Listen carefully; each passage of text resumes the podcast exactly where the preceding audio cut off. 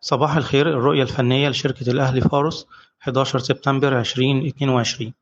آه زي ما شفنا EGX 30 الأسبوع اللي فات قدر إن هو يعوض جزء كبير من الخسائر اللي تعرض ليها الأسبوعين اللي قبليه.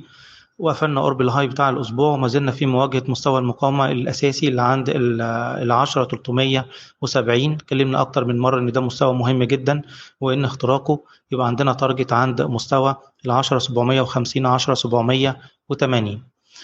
والرؤية دي هتظل قائمة طول ما إحنا محافظين على منطقة الدعم الممتدة ما بين التسعة 900 والتسعة 800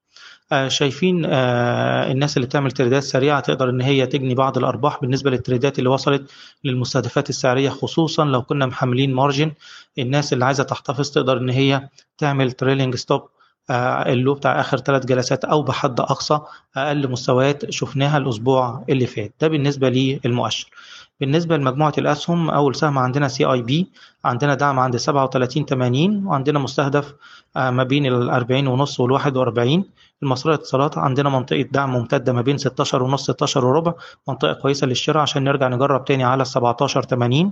فوري من أهم الفرص المتاجرة على مدار الأسبوع دوت إن شاء الله. فعندنا شراء حوالين ال 3 88 stop loss 3 80 ويبقى عندنا ال target الأول عند 4 35 وبعد كده 4 65